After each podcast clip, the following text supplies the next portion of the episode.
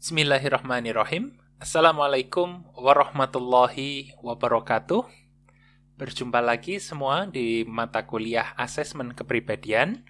Pada minggu kali ini, kita akan melanjutkan materi dari minggu kemarin, di mana minggu kemarin saya memperkenalkan prinsip-prinsip dasar mengenai apa itu proyeksi dan apa itu inventory. Sekarang, mulai minggu ini, kita akan mulai masuk ke pengantar teori mengenai apa itu masing-masing tes, bagaimana proses administrasinya, bagaimana proses scoring dan interpretasinya. Nah, untuk mengawali materi uh, apa namanya tes asesmen kepribadian pada uh, minggu kali ini, kita akan masuk ke tes Rorschach terlebih dahulu. Oke, jadi kita awali dengan proyektif, tes Rorschach, tes grafis Wartek, kemudian kita lanjut ke inventory. Nah, untuk mengawali kita akan mulai dulu memper, saya ingin memperkenalkan dulu tes Rorschach. Oke. Nah, teman-teman mungkin beberapa di antaranya di sini sudah pernah menjadi subjek atau menjadi istilahnya menjadi testi tes Rorschach ini baik yang dilakukan oleh kakak-kakak angkatannya ataupun teman-teman Anda di fakultas atau jurusan psikologi lain.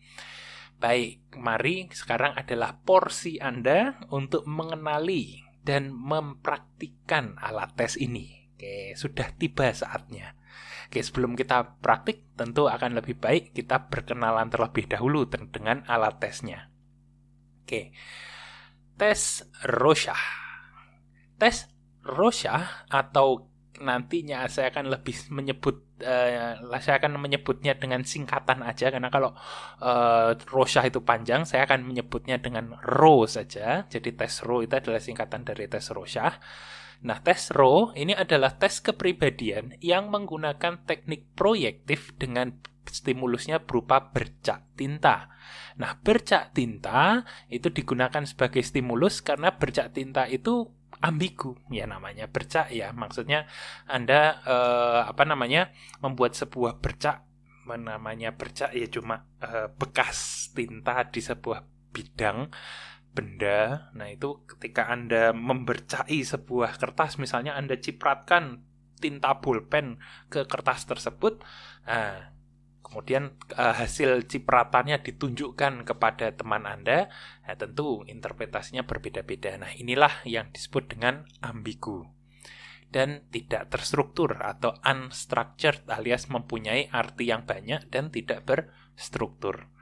Oke. Nah, asumsi dasar dari tes Rorschach ini ada beberapa hal. Yang pertama, uh, asumsi dasar dari tes Rorschach Menghadapi stimulus yang ambigu dan tidak terstruktur, seseorang tidak tahu apa yang dimaksud oleh stimulus tersebut. Sehingga ketika dia menghadapi uh, stimulus, dia tidak tahu apa arti dari stimulus tersebut, dia tidak sempat berpikir dan tidak sempat mempelajarinya. Sehingga orang tersebut akan memberi respon atau reaksi secara spontan apa adanya berdasarkan hasil isian persepsi dia atas uh, stimulus yang ambigu tadi. Nah, kalau kita ingat-ingat penjelasan di ini kurang lebih serupa dengan penjelasan saya di minggu lalu terkait dengan asumsi dasar tes proyektif.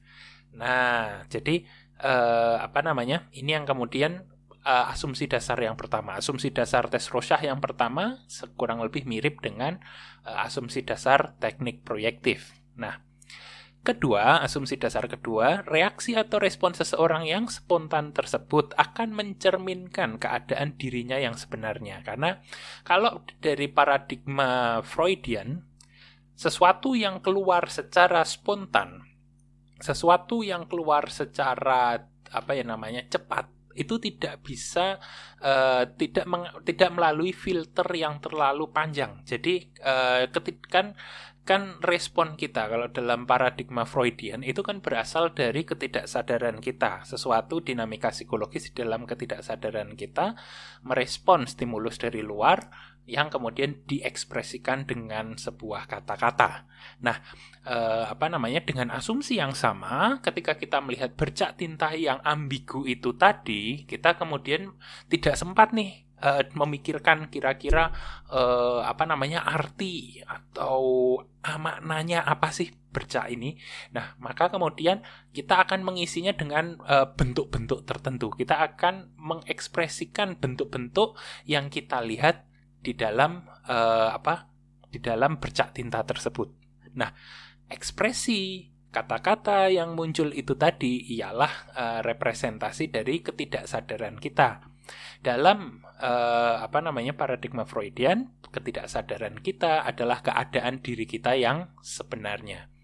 Nah, kondisi seperti inilah yang kemudian diharapkan dalam teknik proyektif yaitu uh, segala sesuatu yang ada di dalam dirinya yang sebenarnya akan terproyeksi keluar karena tidak melalui filter ego yang ketat. Oke, jadi seperti itu.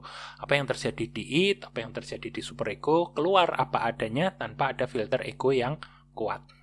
Jadi yang eh, apa respon-respon yang kita keluarkan tadi harapannya adalah menggambarkan eh, menjadi kunci dari eh, gambaran diri kita sebenarnya. Bukan berarti kok kita menjawab, oh saya melihat monyet. Wah, berarti kita di dalam kita monyet. Bukan seperti itu. Tetapi maknanya atau interpretasinya itu ada tersendiri.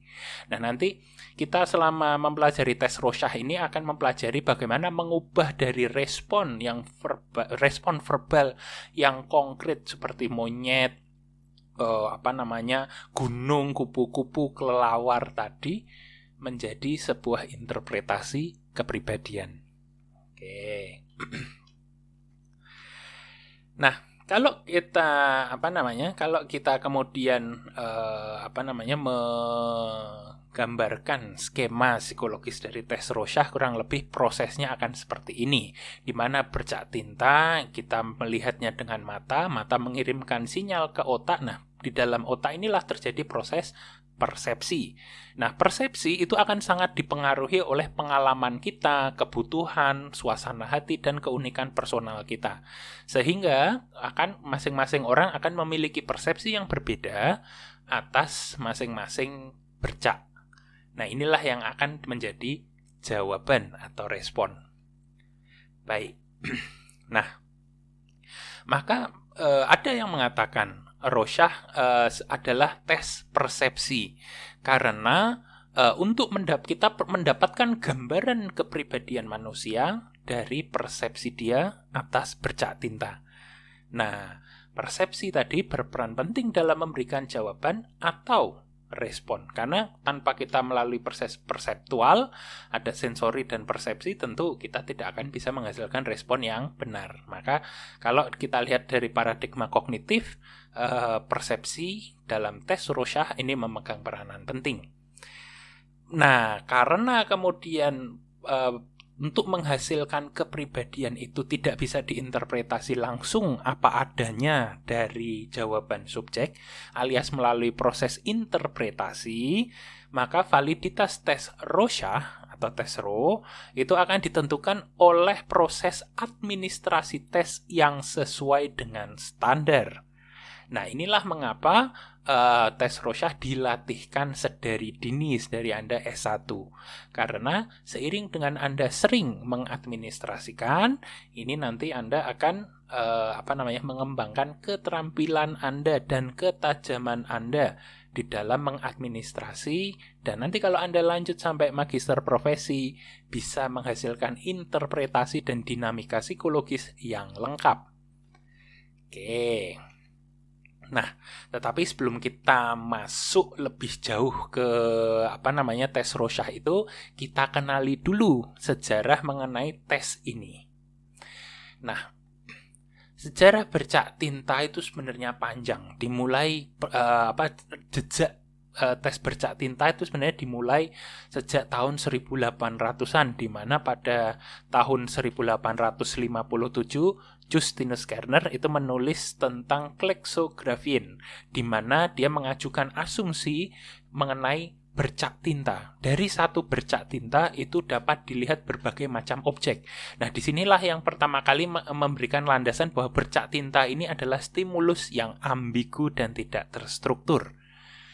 Nah, kemudian uh, Bine, kalau Anda mengingat nama Bine dari sejarah uh, dari pengantar tes, pada tahun 1895 menyarankan agar bercak tinta dipergunakan untuk meneliti imajinasi visual untuk mengetahui lebih lanjut mengenai trait kepribadian. Jadi selain uh, apa namanya terkenal oleh tes inteligensinya, Alfred Binet ini juga uh, mengeluarkan pendapat mengenai asesmen kepribadian juga. Kemudian Dearborn pada tahun 1896 beda setahun dengan uh, Bine menyarankan tadi uh, menyimpulkan dari eksperimen-eksperimen yang dilakukan bahwa pengalaman masa lalu terutama masa kanak-kanak berpengaruh terhadap persepsi bercak tinta tadi. Jadi pengalaman kita itu mempengaruhi persepsi kita. Ya ini sebenarnya masih sejalan dengan uh, paradigma psikoanalisis yang mengatakan bahwa uh, kepribadian kita dibentuk pada berdasarkan dinamika perkembangan pada masa kanak-kanak. Oke, nah kemudian pada tahun 1900 Kirkpatrick dari hasil penelitiannya menyimpulkan bahwa umur ya, jadi eh, apa namanya tadi ditemukan bahwa masa kecil penting eh, membentuk eh, persepsi terhadap bercak tinta. Nah, sekarang eh, Kirkpatrick menambahkan bahwa umur merupakan faktor yang penting untuk menentukan kualitas respon yang diberikan subjek pada bercak tinta. Nah, umur di sini punya dampak pada tes Rorschach ini tidak bisa diberikan pada anak-anak yang terlalu muda. Karena anak-anak yang terlalu muda itu responnya masih sangat terbatas sekali.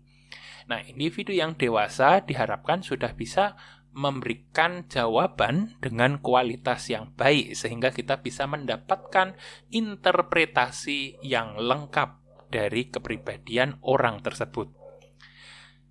Nah, kemudian Berlet eh, pada tahun 1916 menyimpulkan bahwa isi jawaban terhadap bercak tinta dapat digunakan untuk mengetahui minat atau interest. Nah, dari pengantar tes sebenarnya Anda sudah uh, memahami bahwa minat itu punya koneksi dengan kepribadian kita. Nah, maka dari itu kemudian um, pada tahun 1910 Whipple menerbitkan sebuah sumbangan penting yang pertama di dalam sejarah bercak tinta, yaitu berupa serangkaian bercak tinta yang distandardisasikan. Nah, jadi di sini perlu dipahami bahwa Rorschach itu bukan tes bercak tinta pertama. Oke, karena kalau e, merunut pada sejarah, Whipple lah yang kemudian menerbitkan tes bercak tinta terstandar pertama kali. Nah, kemudian uh, uh, proses pengembangan ini masih berlanjut pada tahun 1915. Pyle menyimpulkan menyimpulkan dari hasil penelitiannya bahwa waktu reaksi yang dibutuhkan subjek untuk memberi respon pada bercak tinta dapat uh, kita lihat kecepatan proses asosiasi seseorang. Jadi uh, di sini menambahkan Pyle uh, menambahkan prosedur mencatat reaction time atau waktu reaksi. Oke. Kemudian pada 1917 Parsons uh, melakukan studi dengan mempergunakan standar blots atau bercak tinta yang standar dari Whipple itu tadi. Kemudian disimpulkanlah uh, Parsons menyimpulkan bahwa yang pertama persentase yang tinggi dari jawaban subjek adalah jawaban yang berisi kontennya tentang hewan dan manusia. Kemudian perbedaan jenis kelamin dapat menimbulkan perbedaan respon uh, yang ketiga, tipe dan kualitas jawaban tergantung pada usia. Jadi mendukung uh, pendapatnya Kirkpatrick tadi. Oke, nah kemudian Parsons menunjukkan bahwa walaupun tujuan studinya adalah untuk mengukur imajinasi, akan tetapi hasil dari tes bercak tinta ini juga menunjukkan kemungkinan-kemungkinan perbedaan individual atau individual differences, di mana kita memahami individual differences ini salah satunya adalah kepribadian. Oke, jadi itu adalah sejarah panjang untuk sampai ke Rosyahnya dulu. Jadi bercak tinta itu sebenarnya punya sejarah panjang. Rosyah bukan orang pertama yang menerbitkan tes bercak tinta. Nah, sekarang kita masuk ke uh, Rosyah. Nah, uh, Rosyah, tes Rosyah itu diciptakan oleh seseorang yang bernama Hermann Rosyah. Nah, ini adalah orang Swiss yang lahir di Zurich pada tanggal 8 November 1884. Kemudian pada tahun 1910 ia tamat dari Medical College di mana dia menempuh pendidikan sebagai dokter. Kemudian uh, pada tahun 1911 dia mulai tertarik pada uh, bercak tinta. Nah, dari situ dia mengembangkan tes bercak tinta sampai pada akhirnya uh, sampai akhir hayatnya di 1922. Jadi Rosyah ini usianya nggak terlalu panjang, dia meninggal di usia muda, di mana uh, sepanjang hidupnya sebagai seorang uh, praktisi uh, psikiatri itu dia kan dokter, dia apa namanya men, uh, pernah menjadi kepala rumah sakit jiwa. Dia uh, apa namanya mengembangkan tes bercak tinta itu tadi. Jadi sepanjang hidupnya.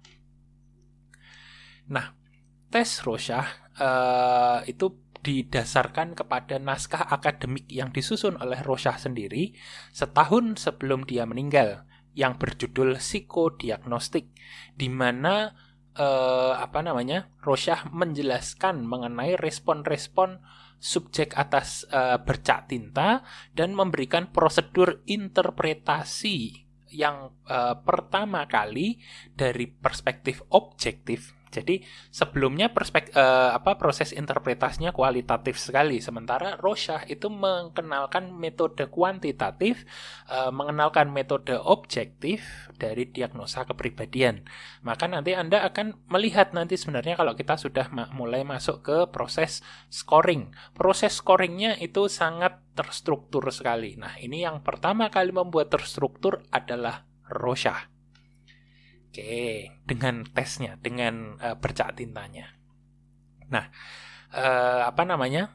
Karena 1921 ini sebenarnya dia sudah mulai sakit-sakitan, uh, dia menyiapkan naskah psikodiagnostik ini dibantu oleh kawannya yang disebut uh, yang bernama Emil Oberholzer. Nah, kemudian uh, Emil Oberholzer uh, Emil Oberholzer ini punya murid yang namanya David Levy. Nah, David Levy ini adalah orang yang pertama kali memperkenalkan metode Rorschach di Amerika Serikat. Dari sejarah aliran Anda tahu bahwa ada perbedaan tradisi psikologi di Eropa dan di Amerika. Nah, jadi Eropa itu uh, apa tradisinya psikoanalisis, sementara tradisi di Amerika itu lebih ke behavioristik. Nah, maka kemudian Anda bisa bayangkan David Levy perjuangannya untuk memperkenalkan tes Rorschach eh, yang bersifat kualitatif yang banyak dipengaruhi oleh teori psikoanalisis ke Amerika yang waktu itu masih eh, sangat zeitgeist di sana waktu itu masih sangat dikuasai oleh eh, tes apa namanya yang bersifat objektif. Nah, tetapi berkat Rorschach mem memperkenalkan metode objektif, uh, membuat standarisasi yang jelas, prosedur yang jelas, tes Rorschach ini bisa diterima pada akhirnya. Nah, apa namanya? David Levy memperkenalkan tes Rorschach di Amerika ini juga uh, dibantu uh, oleh Samuel Beck. Nah, jadi uh, dari situ kemudian tes Rorschach berkembang di Amerika, diteliti oleh banyak orang. Salah satunya Hertz yang melakukan penelitian tentang aspek-aspek metodologi dari Rorschach. Kemudian tahun 34 Bruno Klopfer itu memperluas ide-ide dan teknik metode Rorschach uh, serta prosedur interpretasi, prosedur scoringnya itu Klopfer kemudian meng, apa namanya membuat pembaharuan-pembaharuan di situ.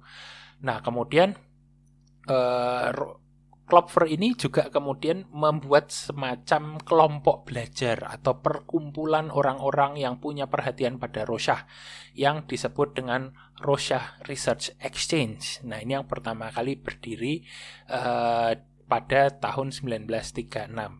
Nah, kemudian uh, apa namanya? Tiga tahun kemudian Rorschach Institute yang merupakan kembangan dari Rorschach Research Exchange tersebut uh, menjadi sebuah lembaga penelitian yang terkemuka yang memberikan standar atau ijazah quote and quote uh, untuk mengadministrasikan dan menginterpretasikan tes Rorschach. Oke, jadi uh, apa namanya? Mungkin Anda sudah dikenalkan dulu di uh, secara aliran atau kepribadian uh, psikologi kepribadian bahwa yang namanya uh, psikoanalisis untuk Anda diakui sebagai psikoanalis itu Anda harus menjalani sebuah training dan uji kompetensi yang dilakukan oleh sebuah organisasi profesi khusus untuk psikoanalis. Sama dengan tes Rorschach ini sebenarnya. Oke, nah uh, kontribusi Klopfer adalah dia menuliskan semua ide-idenya, semua pembaharuan-pembaharuannya dalam sebuah manual tes Rorschach yang komprehensif dan masih menjadi panduan interpretasi bahkan hingga saat ini. Jadi nanti Anda ketika membaca panduan Rorschach itu sebenarnya adalah kontribusinya salah satunya dari Bruno Klopfer. Nah, kemudian dikembangkan lagi oleh uh, ahli yang lain yaitu John A. Exner di mana kemudian dia menerbitkan sebuah buku yang berjudul Rorschach The Comprehensive System yang merupakan gabungan dari sistem yang dikembangkan oleh para ahli sebelumnya seperti Samuel Beck, Bruno Klopfer, Sigmund Petrovsky, Marguerite Hertz dan David Rappaport. Oke, jadi uh, apa Exner ini menggabungkan, membuat uh, sebuah sistem yang komprehensif yang merupakan gabungan dan kembangan dari para ahli-ahli sebelumnya. Dan ini yang masih juga berlaku sampai sekarang. Nah, uh, tes Rorschach itu dibuat dengan uh, cara yang simple kalau boleh saya bilang. Nah, untuk membuat tes Rorschach itu uh, Anda cukup meneteskan. Jadi kalau Anda sambil mendengarkan kuliah ini mau praktek meneteskan tinta juga boleh. Anda silahkan ambil selembar kertas, uh, teteskan tinta di tengah kertas tersebut. Oke, jadi teteskan tinta di tengah. Nggak usah tahu tengah harus pas di tengah nggak Pak? Kira-kira di tengah pun. Itu aja. Oke, sat, uh, apa namanya? Boleh satu atau dua tinta terserah. Oke, jadi Anda boleh kalau membuat tes uh, Rorschach di rumah, uh, tes bercak tinta di rumah, itu Anda teteskan tinta sebanyak apa pun terserah Anda, teteskan di kira-kira di tengah. Setelah itu lipat dua kertasnya, kemudian ditekan. Jadi uh, apa namanya? Kalau kita punya kertas semacam ini kemudian kita lipat di tengah. Seret semacam ini. Oke nah maka kemudian terbentuklah kertas yang seperti ini. Nah kemudian ditekan di planet gini. Nah nanti setelah itu bukalah hasil nah, kertasnya. Nanti akan kelihatan sebuah pola atau image atau bercak tertentu Oke, nah karena uh, buatnya atau kemudian um, tetesannya itu di tengah dan dilipat dua di tengah, maka kurang lebih pola yang terjadi akan simetris. Hanya saja, tolong ini jangan dikatakan pada subjek atau testi. Ini warning dari awal ya.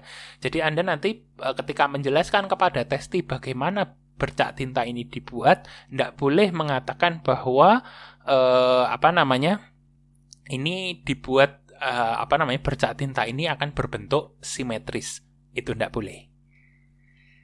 Oke.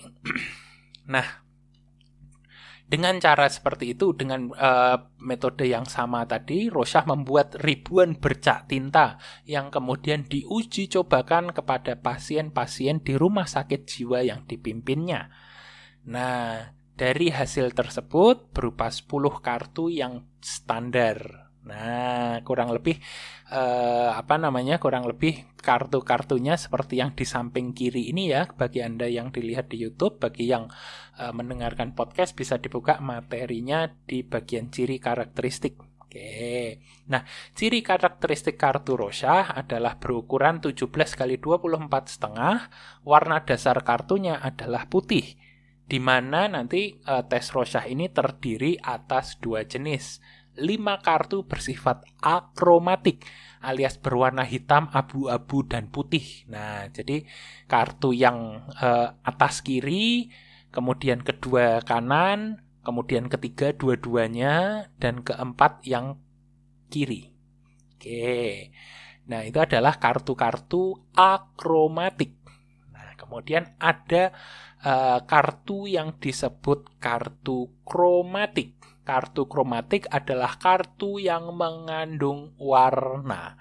Nah, kartu yang mengandung warna ini adalah kartu yang atas kanan, kedua dari kiri, uh, apa uh, apa namanya kartu uh, kiri di deret kedua, kemudian kartu yang kanan di deret keempat, dan kemudian dua kartu yang terakhir itu adalah kartu-kartu kromatik. Oke, jadi ini adalah pengenalan dasar dan ciri-ciri dari tes Rorschach. Oke, sekarang kita akan masuk ke prosedur administrasi dari tes Rorschach itu sendiri.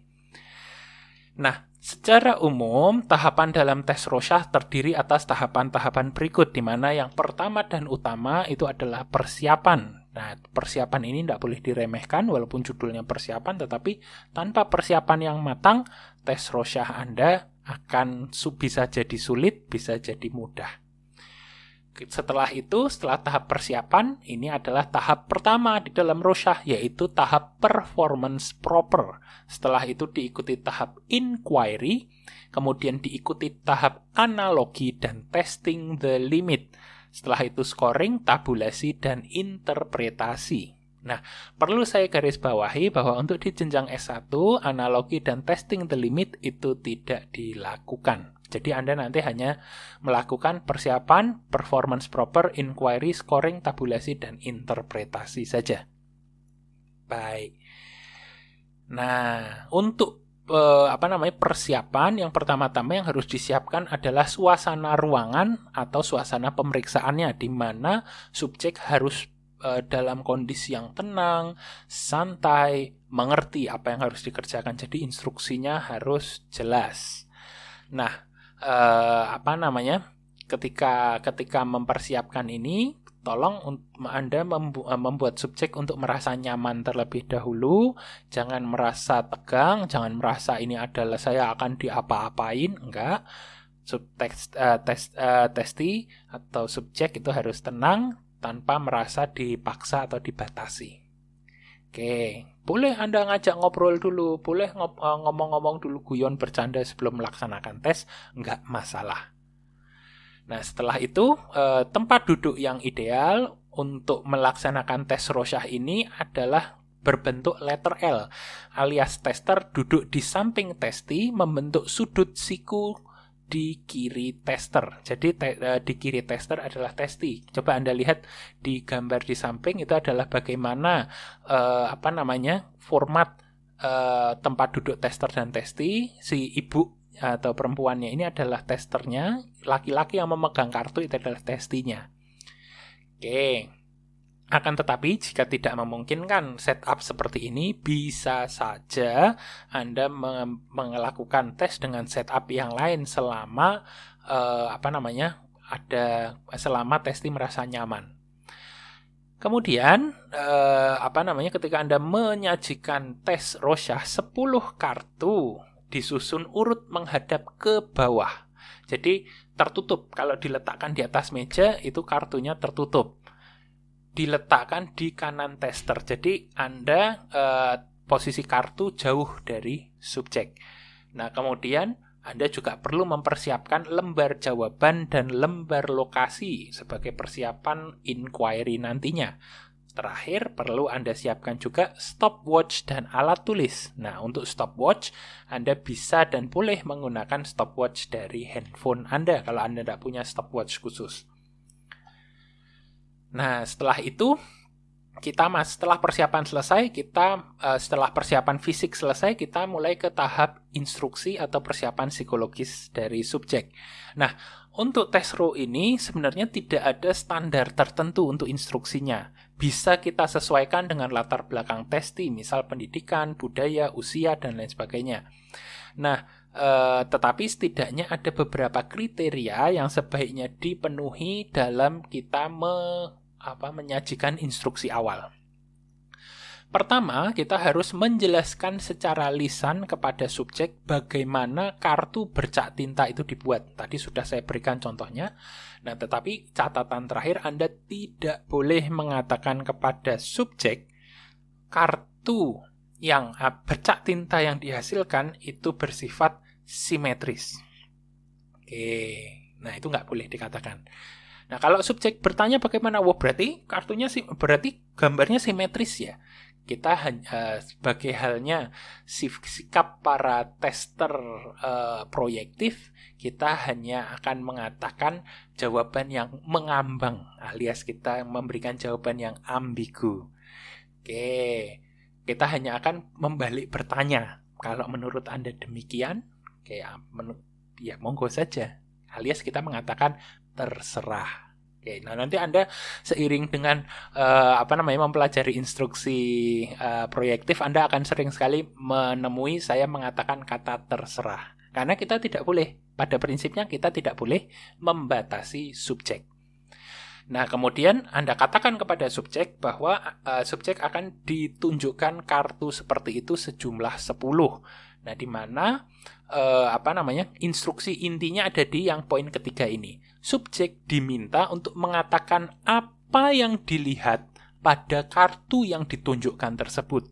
Jadi uh, subjek diminta untuk mengatakan apa yang dia lihat. Kita tidak boleh mengatakan gambar, kita tidak boleh mengatakan hal-hal uh, yang mensugestikan sesuatu. Cukup uh, kita instruksinya simple. Dan kemarin saya katakan karakteristik dari tes proyektif instruksinya simple. Untuk tes Rosha ini instruksinya sebenarnya simple sekali. Tolong Anda katakan apa yang Anda lihat pada kartu tersebut.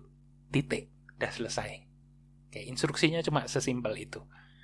Nah, hanya saja banyak eh, catatan-catatan uh, yang perlu diperhatikan apa yang boleh, apa yang tidak boleh karena untuk menjaga validitas uh, tes itu tadi. Nah, dalam memberikan instruksi awal, Anda bisa dan diharapkan memberi motivasi kepada subjek Anda, yaitu yang pertama dan utama, Anda mengatakan segala macam hal bisa nampak pada kartu bercak tinta tersebut. Ini yang e, mengindikasikan bahwa sebenarnya subjek bebas mau melihat apa pun, mau mengatakan apa pun. Setiap dan Anda bisa mengatakan juga setiap orang akan melihat bercak tinta tersebut secara berbeda-beda, belum tentu sama. Semua jawaban adalah benar, tidak ada yang salah, tabu, jorok, saru atau memalukan dan lain sebagainya. Nah, Anda juga mengatakan jawaban akan dicatat dan waktu akan dihitung, akan tetapi jangan terikat oleh waktu. Nah, ini perlu dikatakan juga di awal. Nah, setelah itu tidak kalah penting nanti untuk prosedur uh, performance proper adalah Anda mengatakan gunakan waktu seperlunya dan katakan jika Anda sudah selesai katakan sudah cukup atau selesai. Monggo disepakati dengan subjek Anda. Tetapi pada intinya subjek Anda harus mengatakan cukup atau selesai untuk mengindikasikan bahwa sudah selesai. Nah, ini nanti ada hubungannya dengan pencatatan waktu yang akan kita bahas nanti. Nah, berikutnya eh, apa namanya secara instruksi eh, tugas eh, tugas tes, tester hanya intinya menyampaikan instruksi tugas testi. Anda tidak boleh memberikan kalimat-kalimat subjektif seperti eh, kalimat-kalimat sugestif Misalnya Anda boleh melihat kartu selamanya Anda suka, Anda bebas e, melakukan apa pun, Anda harus merasa yakin menceritakan apa yang Anda lihat. Kemudian bertanya, ada lagi atau jangan atau silahkan atau melihat gambar apa itu juga nggak boleh. Jadi stay uh, ambigu, stay dalam uh, posisi yang membebaskan subjek jangan membatasi subjek atau menyarankan sebuah tindakan tertentu. Karena kalau Anda mengatakan yang pertama, misalnya Anda boleh melihat kartu selama Anda suka. Nah, berarti uh, apa namanya? Dia bisa uh, apa namanya? Me merasa bahwa oh ya sudah nggak ada batasan waktu kok, ya sudah selamanya yang saya mau. Nah, ini um, akan mempengaruhi proses interpretasi. Anda bebas melakukan apa pun, Nah, sebenarnya testi boleh memutar-mutar, me, apa namanya, uh, memin, uh, mengubah posisi kartu itu boleh. Tetapi kita tidak boleh memerintahkan atau menyarankan subjek untuk melakukan hal tersebut. Biar itu muncul dari subjek sendiri. Misal subjek bertanya, boleh nggak saya lihat uh, kartu uh, selama uh, apa namanya waktunya terserah saya toh? Jawabannya sama, terserah. Boleh nggak saya putar-putar kartunya? Terserah. Oke. Jawaban jawaban uh, template untuk tes proyektif adalah terserah. Oke. Nah, kemudian ini saya berikan contoh uh, bagaimana kemudian kalimat untuk menjelaskan uh, mengenai proses pembuatan bercak tinta. Ini contoh saja, tetapi Anda tidak bisa mengembangkan dari sini, tidak harus persis. Nah, contohnya saya katakan di sini. Pada selembar kosong, uh, kertas kosong ditetesi tinta, kemudian dilipat di tengah dan ditekan, dibuka, maka akan terlihat pola bercak tinta. Nah, ini untuk menjelaskan. Kita tidak boleh mengatakan gambar, tidak boleh mengatakan simetris atau komentar. Misalnya akan muncul uh, bercak yang bagus, bercak, bercak yang jelek, mengerikan itu juga nggak boleh cukup mengatakan uh, stay, uh, pada prinsipnya stay uh, ambiguous atau stay ambigu, dah gitu aja. Nah, kemudian ini contohnya, saya di sini memberikan contoh-contoh kalimat instruksi awal. Nah, akan saya tunjukkan uh, kartu bercak tinta yang cara membuatnya seperti yang sudah saya jelaskan tadi. Tugas Anda adalah mengatakan apa yang Anda lihat di kartu tersebut. Nah, tester tidak boleh pokoknya uh, apa namanya mengatakan gambar, sebutkan, ceritakan, bayangkan, pikirkan itu nggak boleh karena sugestif. Stay prinsipnya stay ambigu. Oke. Nah, uh, apa namanya? Kemudian setelah kita berikan instruksi awal, kita berikan motivasi. Nah, contohnya adalah apa pun dapat terlihat di kartu tersebut. Setiap orang bisa jadi melihat hal yang berbeda dalam kartu tersebut. Semua jawaban yang Anda berikan akan diterima. Semua jawaban benar, tidak ada yang salah, tidak ada yang jorok, memalukan, tabu, dan lain sebagainya.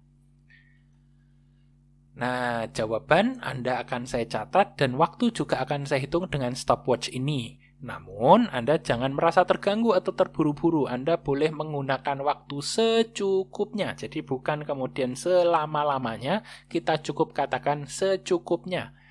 Oleh karena itu, katakan pada saya kalau Anda merasa sudah cukup atau sudah selesai. Nah, ini instruksi tadi di mana kita harus mengatakan um, menyepakati sebuah kata yang mengindikasikan selesai kepada subjek apakah sudah jelas? Nah, kalau uh, apa namanya pertanyaan dia mengajukan pertanyaan sekiranya relevan dengan instruksi yang sudah kita sebutkan tadi, ada jawabannya di contoh-contoh tadi bisa dijawab. Akan tetapi jika uh, apa namanya jawab tidak ada penjel, uh, tidak ada jawabannya atau ini akan mempengaruhi tadi menjadi sugestif tadi jawabannya cukup satu terserah. Oke. Seperti itu. Nah, setelah itu, jika tes sudah jelas, tes bisa dimulai dengan menunjukkan kartu pertama.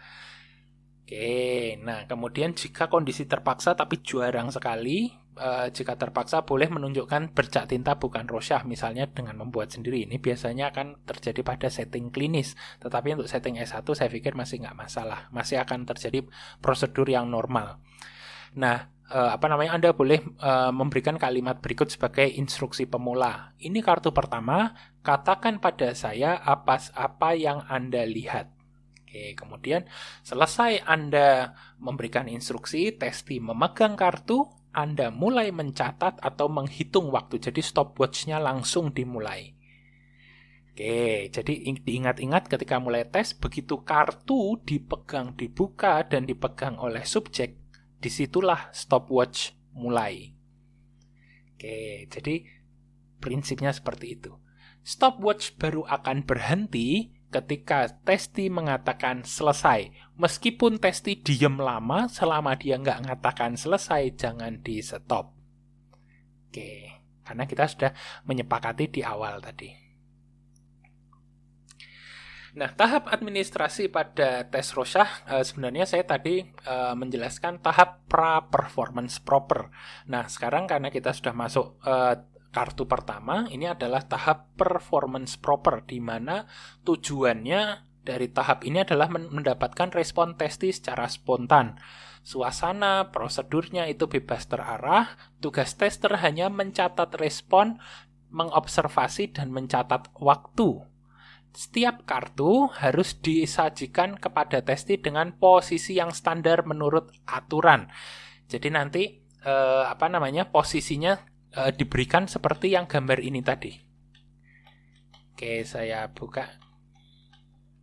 Ah, posisinya seperti gambar yang diciri-ciri karakteristik kartu rosah itu posisi standar. Jadi ketika mem memberikan kepada subjek, subjek harus menerimanya dengan posisi yang seperti di ciri karakteristik kartu rosah itu posisinya.